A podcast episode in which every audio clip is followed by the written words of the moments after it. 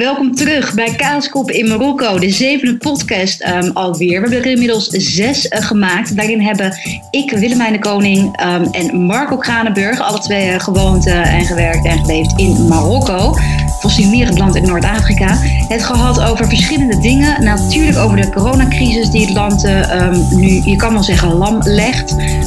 en daarmee de vervelende consequenties. natuurlijk heb ik het dan gehad over geld, over toerisme, dat helemaal plat ligt. gebrek aan privacy uh, is daar ook weer een consequentie uh, van, of juist niet, dat was de vraag. Uh, de sociale controle, um, daaruit voortkomend um, en daaruit voortkomend weer, um, want ja, wie voedt op, wie bepaalt die sociale controle? Het onderwijs, of het gebrek eraan, ligt er maar aan hoe je dat opvat, daar hadden we het vorige keer over. Maar altijd in al die onderwerpen kwam één ding terug. De rol van de man en de vrouw. Het verschil in de positie van de man en de vrouw is, het verschilt uh, um, als het gaat om jonge meiden, oudere um, mannen, vrouwen, platteland of steden. Maar over het algemeen is de positie van de man toch beter dan die van de vrouw in de Marokkaanse samenleving. En dat is natuurlijk waarom jij er naartoe ging, hè Marco? Jij dacht... Assalamu alaikum Willemijn. En uh, ja, daar... Nou... Laten halen. Wat zei je? Jij dacht, dan kan ik die vrouwen thee voor me laten halen. Nou, je, je gooit hem er gelijk in. Ja, je zegt verschillen. Ik, ik noem het altijd, de mannelijke en vrouwelijke rol zijn fijnmazig en soms wel tot in detail uh, uitgewerkt. En daar komt een stuk geloof, uh, religie bij kijken en er komt natuurlijk ook een, een stuk cultuur bij kijken. Hoewel ja. ik af en toe wel eens een kanttekening maak dat cultuur dieper in de mens zit dan het geloof zelf. Mag ik dat zo zeggen? Ja, dat mag jij zeggen, of ik het wel mee eens ben, is een tweede. Maar uh, gelukkig leven wij in een vrij land waarin we alles mogen zeggen. Ja. Um, ja, maar goed, het, het, verschilt natuurlijk, wat ik net al even tussen neuslippen um, doorzei, heel erg um, qua leeftijd. Hè? Um, voorbeeldje, heel veel oudere vrouwen, ja, die werken eigenlijk niet. Die willen gewoon uh, uh, ook voor hun uh, kinderen um, hè, um, dat zij snel gaan trouwen, een familie opbouwen. en die vragen niet per se om een, om een glansrijkende carrière. Jonge meiden, die zie ik kickboksen, naar de sportschool gaan. Dat zie je oudere vrouwen minder doen. Gaat ook uh, op, niet alleen maar op voor leeftijd, dat verschil, maar ook om waar je woont. Steden. Ja, jij kwam natuurlijk uit het oosten. Um, of jij kwam uit, jij zat in het oosten. Um, daar is het verschil groter dan waar ik zat in Rabat. ik zag jonge meiden en jonge jongens alles tegelijkertijd doen. Samen studeren, samen een relatie uitproberen al dat soort nieuwe jonge dingen die, die wij Nederlands, of wij Westerse moet ik eigenlijk gewoon zeggen, um, ook doen. En daar is dat verschil weer minder. Dus het verschilt natuurlijk wel heel erg. Waar je woont, of er financiële middelen zijn. Ook. En vanuit het oosten of het noordoosten, uh, ja, ik zeg het merendeel van de mannen werkt niet. Uh, werkt misschien wel, ik noemde het verborgen werkloosheid. Dus uh, daarmee moet ik te zeggen, iemand die langs de kant van de weg zit, sigaretten per stuk uh, te verkopen. Ik bedoel, daar ga je echt in je maandinkomen niet mee verdienen. Je bent toch bezig, maar het is ook weer een stuk uh, verborgen werkloosheid. Nou, je zegt je wat, want um, ik had even opgezocht, hoe zit dat dan tussen mannen en vrouwen? Nu schijnt dat mm. bijna 70% van de mannen wel werkt, maar het is maar 20% ongeveer van de vrouwen die werkt. En bij die vrouwen zit dat die verborgen Um, er is ook verborgen werkloosheid, maar er is ook vooral verborgen werk en zwart, zwart werk. En dat is bij die vrouwen enorm groot, want die zijn een hele grote groep is uh, femme de ménage, hoe ze dat dan zeggen. Um, toiletten schoonmaken, bijdruiken, lui. Vooral uh, de, de expats of de Frans of de Nederlandse die dan uh, iemand in, in dienst nemen. En dat is inderdaad zo. Dus die cijfers kan je niet per se zo één op één overnemen. Zoals wij Nederlanders misschien gewend zijn um, hier in Nederland. Hè? Maar toch het, het laat een trend zien. En die klopt volgens mij grotendeels. Dat, dat um, hè, als we zeggen dat veel meer mannen werken dan vrouwen werken. En daar zit ook een deel bij dat vrouwen niet willen werken. Maar er zit ook een deel bij die wel wil werken. Maar de man zegt je mag niet werken. Um, of ze hebben gewoon niet het onderwijs gekregen of niet de kans in de maatschappij om te werken. Daar noem je een uh, heel uh, belangrijk uh, iets. Ja, absoluut het mee willen doen, uh, maar het niet mee kunnen willen doen. Nee, ik zeg, zou ik zeggen het verkeerd. Ze willen meedoen, maar ergens kunnen ze niet meedoen. Precies, maar goed, gelukkig verandert dat uh, uh, natuurlijk steeds meer. Of steeds meer. Begon eigenlijk, eigenlijk begon dat al toen, um, toen Mohammed uh, de zesde koning werd, in 99. Um, hij heeft zijn vrouw toen, Laila Salma, heeft al helemaal de voorgrond geplaatst. was helemaal nieuw. De vorige koning die had nog een soort van harem die hij helemaal geheim hield. En ik denk dat dat een van de belangrijkste dingen zijn de geschiedenis van, van de verandering van de rol, de positie van de vrouw in Marokko. Dat Laila Salma zo getoond werd. En toen kwam die daarna nog met een nieuwe familiewet, uh, waarbij uh, vrouwen mochten scheiden, um, ook grond uh, toe konden, konden eigenen. En toen ging het snel. En die overgang, ik noem dat altijd begin jaren 90, begin 2000, want de El Modawana, de nieuwe familiewet, ingevoerd in 2004. Ja. Let wel, heb... ingevoerd is natuurlijk altijd wat anders dan dat er mensen zich ernaar gedragen, maar het is een begin. Nou, dat heeft nog wel jaren geduurd hoor, maar ik bedoel, zeker koning Hassan II, die was in het noordoostelijk deel minder geliefd dan de huidige koning. Oh ja, ja. hij liet dat deel ook een beetje uh, aan zich voorbij gaan hè? Exact, en dat had eh, ja, wat economische redenen. Ik bedoel, Algerije bijvoorbeeld is heel rijk eh, aan uh, olie. Er komt ook heel veel zwarte handel vanuit Algerije, Marokko die kant op binnen. En Marokko gokte erop dat het noordoostelijk deel olie zou hebben. En dat is niet zo. Nee, de, er zitten grenzen tussen. Waar deze migranten tegenwoordig nog wel wat gaten in hebben kunnen maken. Maar goed. Maar niet, ja, maar in die tijd heb ik bij uh, weet het, een Marokkaans gezin gewoond. Ik heb het natuurlijk helemaal mogen modelleren. Ik weet niet of het interessant is, maar eh, over die rolverdeling man-vrouw, daar zag ik toch wel een enorm verschil hoor. Ik vind. Nou ja, ik weet niet of ik het zo mag noemen, maar ik noem het prinsengedrag. Jij maakte er net een geintje er al over. Je ging daar zeker naartoe om. Nee, er zit ergens een kern van waarheid in. Maar daarom ging ik niet naar Marokko toe. Maar dat was wel iets waar ik me het meest, het meest aan stoorde. Voor degene die uh, toevallig uh, meeluistert en Marokko uh, minder goed kent. Ik bedoel, geloof tot aan 1999 regeerde koning Hassan II, de vader van de huidige koning. En deze koning die heeft natuurlijk nog, die heeft voor wat verandering gezorgd. Maar in de tijd van koning Hassan II, als ik het even zo mag noemen, was dat nog veel harder, dat man en vrouw zijn. De vrouw waar ik dan in het noordoostelijk deel kwam, en met name moet ik, vind ik wel even iets sociaal-geografisch meegeven. Niet echt rijk, uh, maar wel eten. Ik bedoel echt een, een, een categorie van oké, ik heb een, eh, een, een beetje geld, ik heb een dak boven mijn hoofd, ik heb leven. En daar houdt het dan ook op. Maar eigen kamer of uh, twee keer per dag warm eten is wat anders, ja. Ja, maar de vrouw doet alles in huis. En wat is de man, vind ik dan ook een prins. Ik bedoel, hij, hij staat op. Ik bedoel, 9 van de 10 keer wordt je, je brood een beetje warmer gemaakt met wat olijfolie. En hangt gewoon van s ochtends vroeg tot tegen het middageten aan in het café. Nou ja, als die niet werkt, hè? Als die niet werkt. werkt. Dan is het natuurlijk is het nog erger, want dan zegt hij: Ik breng het geld in huis. Um, en dan generaliseer ik nu natuurlijk even, maar we, hebben het even over de meerderheid. Uh, als die werkt, komt hij thuis en dan zegt hij helemaal: Ik breng het geld in huis. Dus jij zorgt maar dat het uh, schoon is. Uh, en als er kinderen zijn, dat die maar verzorgd worden en ik te eten krijg. Toch? Maar je, ja, jij bekijkt vanuit het Westen. Nee, nee, nee. Ook, ook, algemeen. Ook, er zullen ook mannen zijn in het oosten die werken. Ja, zeker, zeker. werkloos lijkt mij. En dan wordt het nog erger, hè, dat, dat prinsengedrag. Want dan zeggen ze juist, ik verdien de kost. Um, dus uh, vrouwtje, jij mag mijn afstandsbediening aangeven. Ook al kan ik er ook wel bij. Exact, nou, jij, jij zegt het nu. Jij zegt het nu. Maar ik laat toch even mijn vrouw komen in de andere kamer. Ja, maar ook als ze niet werken. Ik bedoel, ik heb het echt meegemaakt. Je, je zegt het, dit, nou, dit is waar. En ik bevestig het gewoon alleen. Ik bedoel, dan zit je samen met de man in de salon televisie te kijken. Ik bedoel, de televisie is de god van de huiskamer, zou ik bijna zeggen. Mm En dan wilde je een sigaretje opsteken. En dan zie ik dat de asbak nog geen twee meter, misschien 2,5 meter van hem vandaan staat. En dan is het Afatima Arwahe. Arawahe is als. Azi, Azi, Atini fire.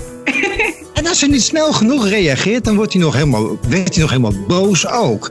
Ik denk, is dit nou echt individueel een enkele keer dat dit gebeurd is, incidenteel?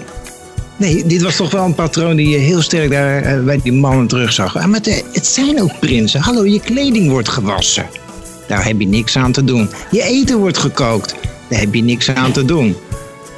Ik bedoel, ik geloof... Hal, hè? Het begint dus nu een klein beetje te veranderen. Vooral bij de jonge generaties um, en in de grootsteden. Um, ik heb me voornamelijk bewogen in Rabat Casablanca. Um, daar zie je die verandering toch wel dat meiden van mijn leeftijd, of uh, in de twintig, die ik sprak. Um, en die zeiden, nou, uh, mijn man die kookt ook gewoon hoor. Of ik ga niet koken. Uh, als kan koken, halen we elke dag af. Maar, ja, dat is echt een nieuwe generatie. Ja, ja precies. Um, en dat komt natuurlijk ook um, door de enorme toestroom van dames aan de universiteit nu. Hè? Die, die creëren hun eigen kansen om, om te studeren, om te werken. Zoals ik zei, zijn ook aan het sporten. Je ziet ze rennen in het park, je ziet ze in sportscholen. en, en dat komt toch wel inderdaad, wat we net al zeiden, Lala uh, Salma, die in het, het, publiek te zien was. En daarna die familiewet die aangepast is. Vrouwen konden scheiden. Um, doen ze um, nu ook. Um, er zijn nu ook vrouwelijke rechters. Sinds 2018 zelfs vrouwelijke adults. Die mogen mensen trouwen. Dat was eerst een beroep alleen maar voorbehouden tot mannen. En nu zijn er dus ook vrouwen die dat, die dat doen. En echt een derde is dus van, van de Adoes nu is vrouwelijk. Um, er zijn ook hele bekende uh, vrouwelijke politici uh, die echt hun mond opentrekken. Uh, er zijn vrouwen die wat alleen wonen. Um, en dus je ziet langzaam een verandering komen. Ja. Alleen die maatschappelijke acceptatie holt altijd achter de wetgeving aan. Dus um, er zijn ook nog steeds vrouwen in, heb ik het nu even over Rabat Casablanca, die zijn misschien wel gescheiden of ze wonen alleen. Ze zeggen gewoon van ik ga nu uh, alleen wonen, want ik heb een baan, ook heb ik nog geen man. En dat was eerst dan. Maar dan toch maken ze zich zorgen. Ik heb een voorbeeld van uh, een vriendin van mij. Die was gescheiden. Die woont dus nu alleen in een klein appartementje in Rabat. En, en zij komt maar net aan rond. Dus ik zei: Je hebt een geweldig appartementje naast de stad, naast het centrum. Waarom verhuur die niet af en toe aan Airbnb? Ze bleven maar omheen, hè, lekker Marokkaans, ze bleven maar omheen draaien. Ja, is goed, maar uiteindelijk deed ze dat niet. Hè, echt Marokkaans, ja zeggen, nee doen. En na een half jaar dacht ik, hoe zit dat nou? En ik weer vragen, ik vragen, ik kreeg er maar niks uit. Ja, lastig, ik snap het niet. Nou, ik helemaal uitleggen. Vervolgens, een andere vriendin van mij, Belgisch-Marokkaans, stel ik aan haar voor. En tegen haar, omdat ze blijkbaar echt Marokkaanse roots heeft, ik niet, durft ze wel eerlijk te zeggen ja, ik ben een beetje bang dat de buren, hier komt die sociale controle weer waar we het over hebben gehad. Ja, exact. De buren allemaal aankomen. Want ja, er komen er allemaal verschillende mensen in mijn appartement. En, en dat, dat laat ook nog steeds inderdaad die sociale controle zien. Maar waarom heeft ze geen toestemming aan de, bij de politie gevraagd om uh, rest in haar huis te ontvangen? Dat kunnen ze toch middels een melding bij de politie doen? Dat, dat zou kunnen. Maar het ging mij er om dat ze zich heel erg druk maakte om die sociale controle. Dat zit er nog steeds in. En daarom maakte ze zich ook druk om het feit dat niet iedereen hoefde te weten dat ze gescheiden was en dat ze alleen woonde. Alleen daar schamen ze zich eigenlijk al voor. Haar vrienden kan ze dat dan wel zeggen, het gebeurt. Maar ze zegt het niet zomaar tegen iedereen. Dus ook al is de wetgeving heel erg vooruit gegaan, wordt het heel langzaam maatschappelijk geaccepteerd. Want die, die familiewet is nu al 16 jaar geleden. Hè? Um, maar die schaamte, vooral in de oudere uh, uh, generatie, zit, zit dat nog steeds. En vooral in het oosten en, en de, de wat traditionelere uh, gebieden in, in, in Marokko. Hè? Daar ja. kom je niet vanaf. Zeker. Dus en dat, maar het was wel, een mooie transitieperiode, vond ik hoor. Sinds dat de El Moudouana van uh, kracht uh, werd. Ik bedoel, los van uh, de vrouwen, de invalide, mensen met geestelijke beperkingen kregen ook wat meer vrijheden. Ja. Maar ik bedoel, het niet kunnen scheiden van je man. Ja, ik heb in de praktijk zo'n situatie meegemaakt waarbij ze elkaar s'avonds in de haren vlogen. En uh, nou ja, dat er misschien uh, drugs of alcohol in het spel was. En de vrouw s'avonds uh, vaak de klappen mocht opvangen, maar niet kon scheiden van de man. Niet kon toen ook nog? Of nee, nee, nee, nee, nee. Als de man nee zei, was het gewoon nee. Ja. Maar ja, dan nu nog, hè, ze kunnen. Maar uh, in sommige situaties, het wordt gelukkig uh, steeds minder, voelen ze zich nog steeds sociaal verplicht om bij hun man um, te blijven. Hè, die, die positie van die man blijft gewoon meer verankerd. En het ligt in, dat hangt in bepaalde dingen in de, in de maatschappij. Bijvoorbeeld al dat de vader, als die in met een baby in het oor verluistert, wordt eigenlijk al bepaald dat die baby dan ook moslim is. Hè? Dat is als je kijkt ook in het, in het gewone um, leven, alle maak, repareerberoepen, of het nou schoenenmakerij is of een auto, uh, waar auto's worden gemaakt, uh, taxichauffeurs, mannen, mannen, mannen. Zie je bijna geen vrouwen. Kijk naar het huishouden, zitten juist alleen maar vrouwen in. Hè? Die, die femme de menage waar we het net over hadden. Het zijn de best en hardwerkende mensjes van Marokko. Ik noem het echt de huisvrouwen.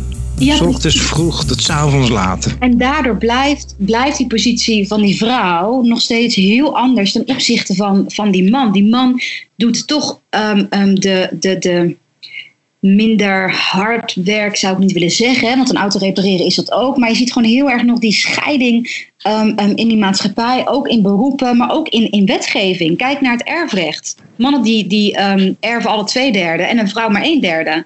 Oh, Kijk naar abortus. Vrouwen die mogen nog steeds geen abortus plegen. Mhm. Ehm, ze zijn bezig met bepaalde uitzonderingen. Uh, maar zelfs dat is lastig. Want vorig jaar september is er laatst nog een journalist opgepakt. Ook van een kritische krant. En waarschijnlijk is het daarom dat ze op is gepakt. Maar goed. Uh, omdat ze abortus heeft gepleegd. Het is nog steeds verboden.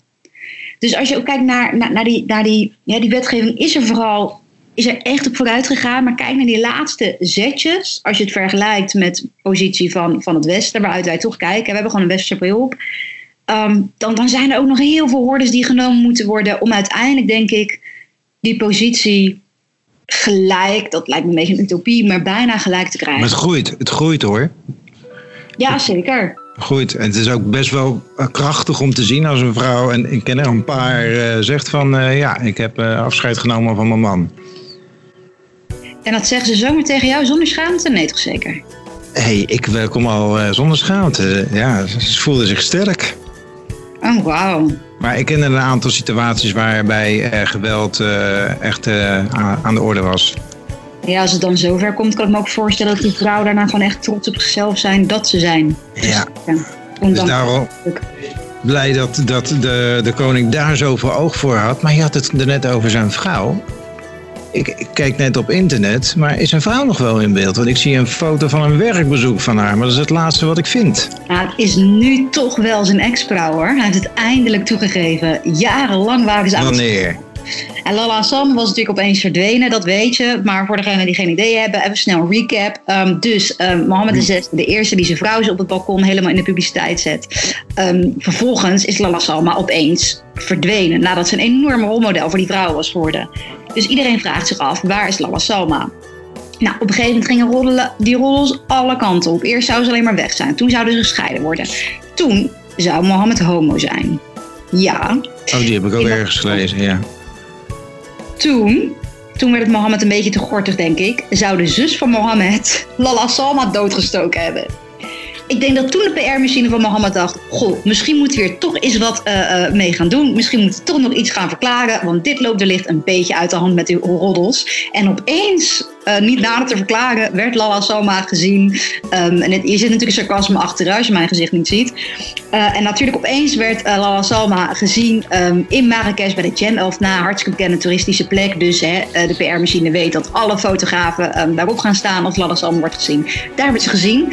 Daarmee werd in elk geval bevestigd, ze is niet doodgestoken. nou, dat was één.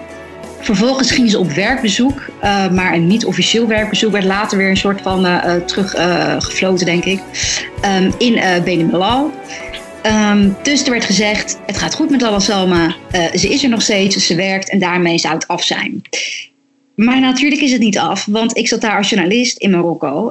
en alle media, zoals Franse, Belgische, Nederlandse, die helemaal geen interesse hebben voor inhoudelijke verhalen die ik altijd aan ze voorstelde. Nou, die wisten me wel te vinden als het weer over Lalla Salma was. En Willemijn, kan je niet iets maken over Lalla Salma? En Willemijn, weet je wel waar Lalla Salma is? En er werden, me, er werden me bergen euro's beloofd als ik Lalla Salma kon spotten hoor. Ik kan niet nee, dat geloof ik. Dat wil ik geloven. Ja, Tappa stond op mijn hotline. Um, maar goed, ik kon uh, Lalla Salma niet spotten. Um, ik had op een gegeven moment wel begrepen dat ze heel vaak bij de bioscoop uh, kwam bij mij op de hoek. Dus ik ben inderdaad een paar keer gaan spotten. Maar je kan ook niet echt blijven hangen, want zo zijn de bioscopen niet ingedeeld.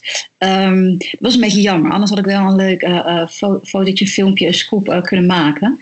Maar goed, anyway. Um, Frans Magazine had toen uh, um, een stuk geschreven over Lalla Salma op vakantie met zonder haar kinderen. Eerst zouden ze twee meenemen, toen was het alleen maar haar dochtertje. En waarom dan niet met z'n tweeën? En is het dan niet zielig? En oh wat erg, hebben ze nu voogdijruzie? Roddelen, roddelen, roddelen. En toen werd het geloof ik de advocaat van Mohammed weer even te veel. Dus heeft hij een persbericht uitgestuurd waarin gezegd werd dat het allemaal goed was. Uh, maak je geen zorgen, net pa. En even tussen ergens al die woorden in dat persbericht gemommeld bij Lala Salma, ex-vrouw. Oh. En ik ging bijna weg uit Marokko. Um, en ik, ik, was bezig met vijf andere verhalen. Um, normaal mis ik niks uit Marokko, maar zelfs ik heb het gemist. eigenlijk alle media hebben dat gemist. Omdat de aandacht was daar niet op gevestigd. Ik denk dat ze het dagelijks ook expres hebben gedaan. De aandacht was gevestigd op die kinderen, op uh, Frankrijk. En vervolgens dat uh, uh, die advocaat zei: als je hiermee doorgaat, is het laster. Hm. En niemand niet ergens opviel dat één keer het woordje ex in het persbericht stond. Maar er is dus nu wel toegegeven dat Lala Salma de ex-vrouw is van Mohammed VI. Ze zijn gescheiden. En dan heb je het over de nieuwe familiewet. Dus als die familiewet er niet was geweest, dan waren ze nog samen geweest. Dat weet je niet, want misschien had Lalla wel um, uh, Lala Salma wel willen scheiden. Ja, maar dat had in de uh, oude situatie niet gekund. Als Mohammed akkoord was gegaan, wel. Als die roddels over zijn okay. seksualiteit kloppen, kan ik me voorstellen dat hij akkoord gaat. En misschien wil hij daarmee juist ook wel weer een, een soort signaal naar buiten afgeven van het is niet alleen maar wetgeving, zelfs ik kan eraan voldoen.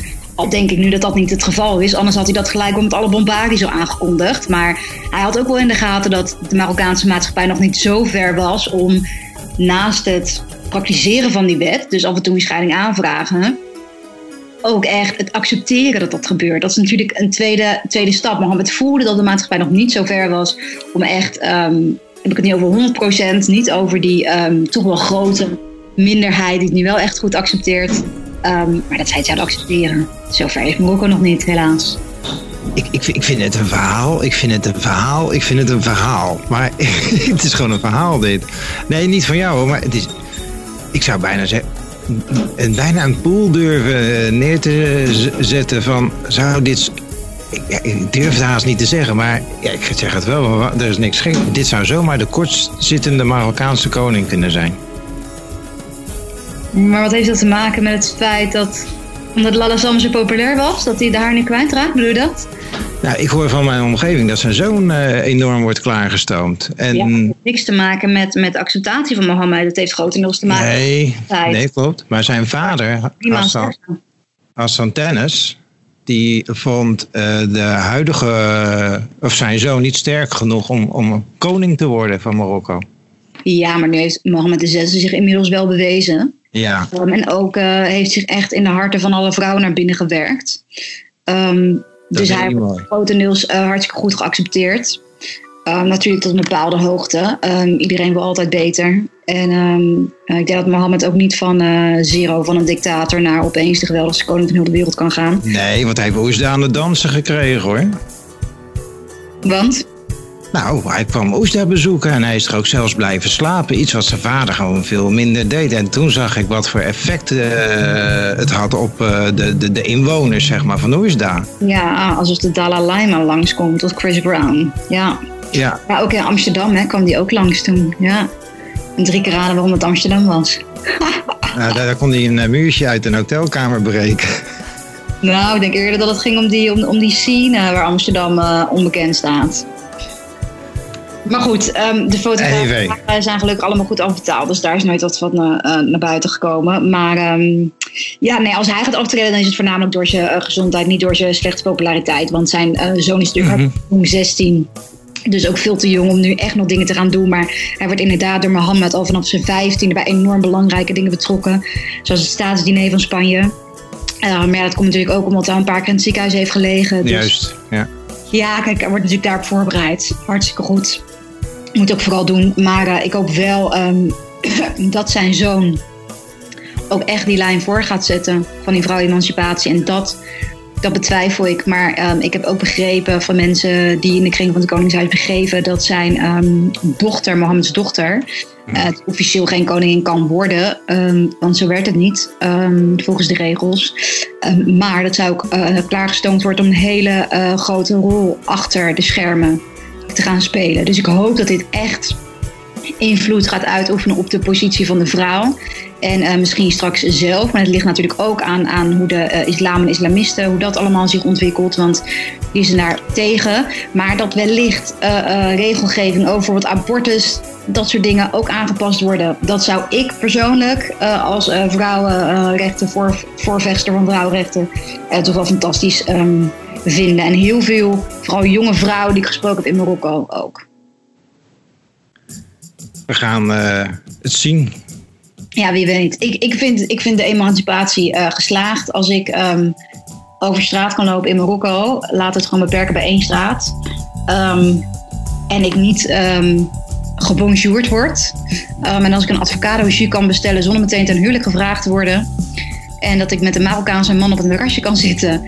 En dat hij verder aan mij vraagt wat ik wil drinken. In plaats van aan de Marokkaanse man naast me, zoals heel vaak nog steeds gebeurt. Dan vind ik hem geslaagd ik ga denk ik gewoon elk jaar terug naar Marokko en elk jaar kijken of het al zover is. Nou, dan kan je nog voorlopig een aantal jaren op vakantie. en dan maken wij weer een podcast over de voortgang als het zover is. Wat vind je daarvan? Podcast en, uh, en mooie verhalen, ja. ja, want uh, ik denk dat wij nog wel echt wel wat verhalen te vertellen uh, hebben. Maar dat gaan we allemaal na de zomervakantie doen. Precies. Um, ehm, 1 juni is het zover. We mogen weer op terrasjes gaan zitten. Er mogen bijeenkomsten van 30 mensen georganiseerd worden. Um, handen omhoog. Uh, um, kijk allemaal wel uit. Blijf veilig. Hou een beetje afstand van elkaar, die anderhalve meter. Want je weet nooit wie de kwetsbare doelgroep is en waar de corona nog in, in de lucht hangt. Maar geniet er ook vooral van. ga lekker een drankje doen uh, buiten en alles doen wat eerst niet kon. Uh, misschien zelfs een film kijken. Heb ik begrepen dat het nu mag met iemand uit een ander huishouden naast je. Dat is nieuw ook. Dus geniet daarvan. We begrijpen dat jullie daarom niet meer zoveel online zitten als eerst. Dus wij lassen inderdaad ook even een grote pauze in. Een uh, uh, vakantie. Nou, we zullen ons laten horen als het nodig is.